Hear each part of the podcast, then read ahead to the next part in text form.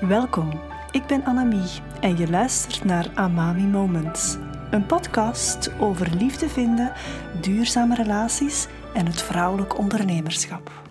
Fijn dat je weer luistert. Het onderwerp van vandaag heeft in mijn eigen leven en business een grote shift gebracht. Ik ga zeker niet zeggen of beweren dat dat de allergrootste shift is, maar doet me wel heel erg bewust worden van wie ik als coach en als mens wil belichamen. En ik geloof echt dat er in de coachingwereld, um, laat het mij een vorm van evolutie gaande is. Ik hoop dat misschien dat er een evolutie gaande is. En ik wil daar zelf een, een beetje het pad effenen, laat het mij zo zeggen. Ik heb het vandaag over gaslighting. En gaslighting is een vorm van emotionele manipulatie waarbij iemand opzettelijk verwarring zaait of twijfel zaait of um, hoe kan het zich nog uiten ontkent dat er iets gebeurd zou zijn dat bepaalde gebeurtenissen plaats hebben gehad om het slachtoffer of de andere partij te laten twijfelen aan zichzelf. Het doel van gaslighting is heel vaak bewust of onbewust, en ik wil echt geloven dat het heel vaak onbewust is, om macht en controle over het slachtoffer of over de andere partij te verkrijgen. En ik ben me als relatiecoach heel erg bewust van gaslighting in liefdesrelaties of eerder in intermenselijke relaties in het algemeen. Want dat komt ook bij vriendschappen voor, bijvoorbeeld, of bij familiebanden. Nu, waar ik me niet altijd zo bewust van ben geweest, is dat gaslighting ook in businessrelaties heel veel voorkomt. En dan zeker in de coachingwereld. En hoewel ik een vermoeden heb dat het in heel veel zakelijke verbindingen en zakelijke relaties kan voorkomen, merk ik het als coach, omdat het mijn wereld is waarschijnlijk, het vooral op in die context. En het raakt mij enerzijds heel sterk, misschien omdat ik er zelf ook wel slachtoffer van ben geweest, maar het raakt mij ook omdat dit vaak een inspanning vraagt om dat te doorzien en dan toch authentiek te blijven. Dus het, is een, vraagt een inspanning en het is een uitnodiging. En ik wil een aantal kenmerken van gaslighting aanhalen, die dus zowel in business voorkomen en die je met wat creativiteit ook kan toepassen in een liefdesrelatie. Nu, voor ik daaraan begin, wil ik duidelijk maken dat heel veel coaches zich niet bewust zijn dat ze dat doen. En ik wil ook niemand met de vinger wijzen. Ik wil vooral bewustzijn creëren. Een eerste aspect is um, ja, dat gaslighting in business vooral manipulatief gedrag is. En ik denk dat dat de grootste is, of dat dat zich uit in manipulatief gedrag, zo moet ik het misschien beter zeggen. En voorbeelden hier zijn dat de coach schuldgevoel, schaamte of angst aanwakkert. Uh, door bijvoorbeeld te zeggen aan de cliënt: Ja, ik zal nooit kopen van jou als je je prijzen zo laag haalt, want dat geeft mensen het gevoel dat je, of het idee dat je goedkoop bent, dus ook in je inhoud goedkoop is. En dan ook zeggen dat je je eigen waarde niet kent als je je prijzen laag haalt. Ik heb het zelf meegemaakt, dit. Dit is echt een voorbeeld uit mijn eigen leven. En ik herinner mij, ik was mij zeker niet bewust dat dat gaslighting is. En ik herinner mij wel het gevoel dat mij dat gaf. Een ander voorbeeldje van manipulatief gedrag is het niet instappen in een bepaald traject. Gaat ervoor zorgen dat je je dromen niet gaat kunnen verwezenlijken. En dat klinkt heel onschuldig en dat kan zeer goed bedoeld zijn, maar daar zit iets manipulatief in. Zeker cliënten die in die emotionele laag een kwetsuur of een trauma hebben, die gaan daar enorm onbewust door gemanipuleerd zijn. En een betere zin zou bijvoorbeeld zijn: kan je voelen dat instappen je volgende stap is? Of hoe zou die volgende stap of instappen in dit traject voor jou zijn? En dan doe je net hetzelfde, maar op een niet manipulatieve manier. Dus de grootste, denk ik, in die kenmerken van gaslighting is echt manipuleren. De tweede die ik wil aanhalen is het bevorderen van afhankelijkheid. Een voorbeeld hier is dat een coach de cliënt gaat ontmoedigen om andere adviezen of meningen te zoeken, bijvoorbeeld, omdat alleen mensen met een bepaald diploma de juiste kennis kunnen hebben en daarom ook de enige zijn die te vertrouwen zijn. En dit is zelfs een combinatie met manipulatief gedrag, denk ik dan. Maar het speelt heel erg in op ehm, ja, dat bevorderen van afhankelijkheid. Of alleen ik kan jou helpen. Ehm, dat is een tweede. Een derde aspect is minachting van het zelfbewustzijn. Dit door bijvoorbeeld te suggereren dat je gevoelens, je behoeften of je intuïtie ongegrond is, waardoor cliënten ontmoedigd worden om hun eigen innerlijke kompas te volgen.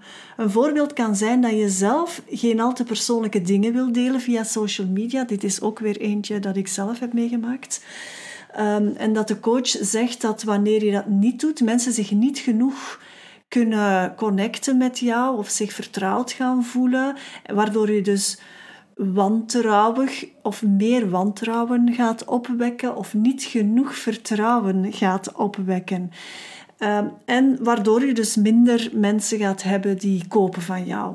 En hierdoor wordt je zelfvertrouwen aangetast of ga je je toch geforceerd misschien voelen om persoonlijke dingen te delen, waardoor je je bar slecht voelt achteraf. I've been there, I've done it. Never again. En of een ander voorbeeld hier is wanneer de resultaten uitblijven, dat de coach zegt: Ga ja, je zult toch nog een beetje aan zelfsabotage doen, alsof de cliënt doelbewust en onbewust zijn eigen succes saboteert. Ik denk dat het beter is om hier gewoon echt samen te gaan zoeken naar wat jou exact of jouw cliënt exact uh, doorgesaboteerd wordt. Ik denk dat dat veel krachtiger is dan gewoon zeggen van ja, goh, het, uh, het is overduidelijk dat je jezelf saboteert en je moet daar wat aan werken.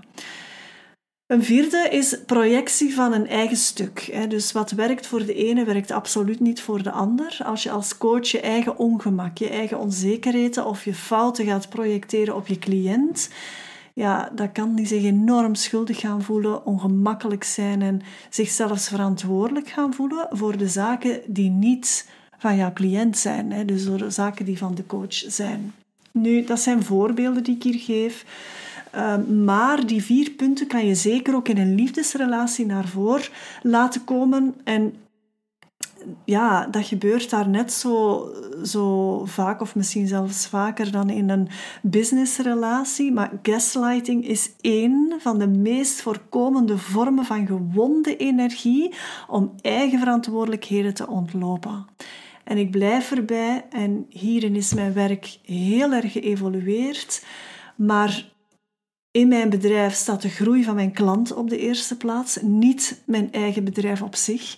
Ik hoorde overlaatst iemand zeggen: de klant is koning, maar ik ben keizer. En ik weet dat dat archetypes zijn, maar het geeft je toch een, ja, het gevoel van superioriteit. En daar geloof ik absoluut niet in. We zijn hier op deze aardbol om elkaar te helpen. Er is niets fout met dienstbaarheid tonen en je tijd daaraan geven. Niet alles moet op zo weinig mogelijk tijd en met zo weinig mogelijk effort gebeuren wat werkt er echt voor jou? Wat is er van jou en wat is er voor jou? Dat is de vraag. En daar wil ik zelf persoonlijk, in mijn persoonlijk leven, in mijn business, 100% trouw aan blijven. Een tweede aspect waar ik bij blijf voor mezelf is ja, ik doe wat werkt voor mij en ik weet heel goed wat dat ik nog, waar ik nog in mag groeien bijvoorbeeld en waar ik al heel goed in ben. Maar ik zal mezelf nooit meer, ik ga het nog eens herhalen, nooit meer verloochenen. En dit is ook advies dat ik aan mijn klant geef bij het daten. Blijf dicht bij jezelf. Je moet niet doen wat ik misschien als tip of als, als advies geef. Nee, doe wat er goed voelt voor jou, maar bijvoorbeeld niet vanuit jouw pijn en vanuit jouw oude patronen, maar vanuit wie je werkelijk bent. Een derde aspect is als ik merk dat er zelfsabotage is in, bij mijn klant, dan ga ik daar samen naar zoeken. Wat is dat juist dat u saboteert en op welk niveau manifesteert zich dat? Schaduwwerk is mijn ding. En dit is dus helemaal mijn habitat. En ten vierde, mijn eigen zijn en functioneren vanuit mijn vrouwelijke essentie is de basis. Hoe meer inzicht ik hierin krijg, hoe duidelijker dit wordt voor mij. En dit is exact wat ik ook aan mijn klanten wil duidelijk maken. Dus als jij luistert, of jij nu al klant bent of niet bij mij, dit is goud waard. De wet van aantrekking is bullshit. Sorry voor mijn taal. Want als je er niet in slaagt om te bereiken waar je zo naar verlangt, dan is dat volgens de goeroes omdat je niet goed genoeg gevibreerd hebt. Dus het is uw eigen schuld. Ik walg hiervan. En ik geloof absoluut in de wet van de aantrekking, maar niet alles wat je wil is per se voor jou. Wat borrelt er echt op in jou en kan je met hart en ziel gaan belichamen? Dat is de ware hamvraag en daar draait de wet van de aantrekking over. Dus vanuit je eigen vrouwelijke essentie gaan functioneren, gaat net duidelijk maken wat er voor jou is en wat er van jou is. En daar sta ik 100% voor. En net zoals bij het daten ik aan mijn klanten zeg dat ze niet moeten vallen voor het potentieel van een man, maar voor wat iemand werkelijk toont in het moment, is dat in business voor mij ook. En de sleutel hier is authenticiteit. Punt aan de lijn. Alleen door zelf authentiek te zijn, ga je resoneren met anderen die ook authentiek zijn. Zo eenvoudig is het. Maar authentiek zijn wil zeggen dat je jezelf echt durft kennen, leert kennen, dat je dat ontdekt, wat echt telt voor jou, wat er voor jou is en wat er van jou is. En dat wens ik jou echt toe, dat je dat ontdekt en weet voor jezelf. Het is een levenslange oefening die ook ik blijf maken. Als je meer info wil over mijn aanbod of je wil graag eens in gesprek gaan met mij, neem dan contact met me op. Ik hoor heel graag van jou. Vind jij waarde in deze podcast? Help mij dan mijn visie te verspreiden door de podcast te delen via je eigen social media kanaal. Geef jouw sterrenreview en volg de podcast zodat je geen enkele aflevering mist. Wil je graag samenwerken met mij? Neem dan contact op via de link bij deze aflevering. Ik kijk alvast uit naar jouw feedback en hoop je snel weer te ontmoeten in een volgend Amami Moment.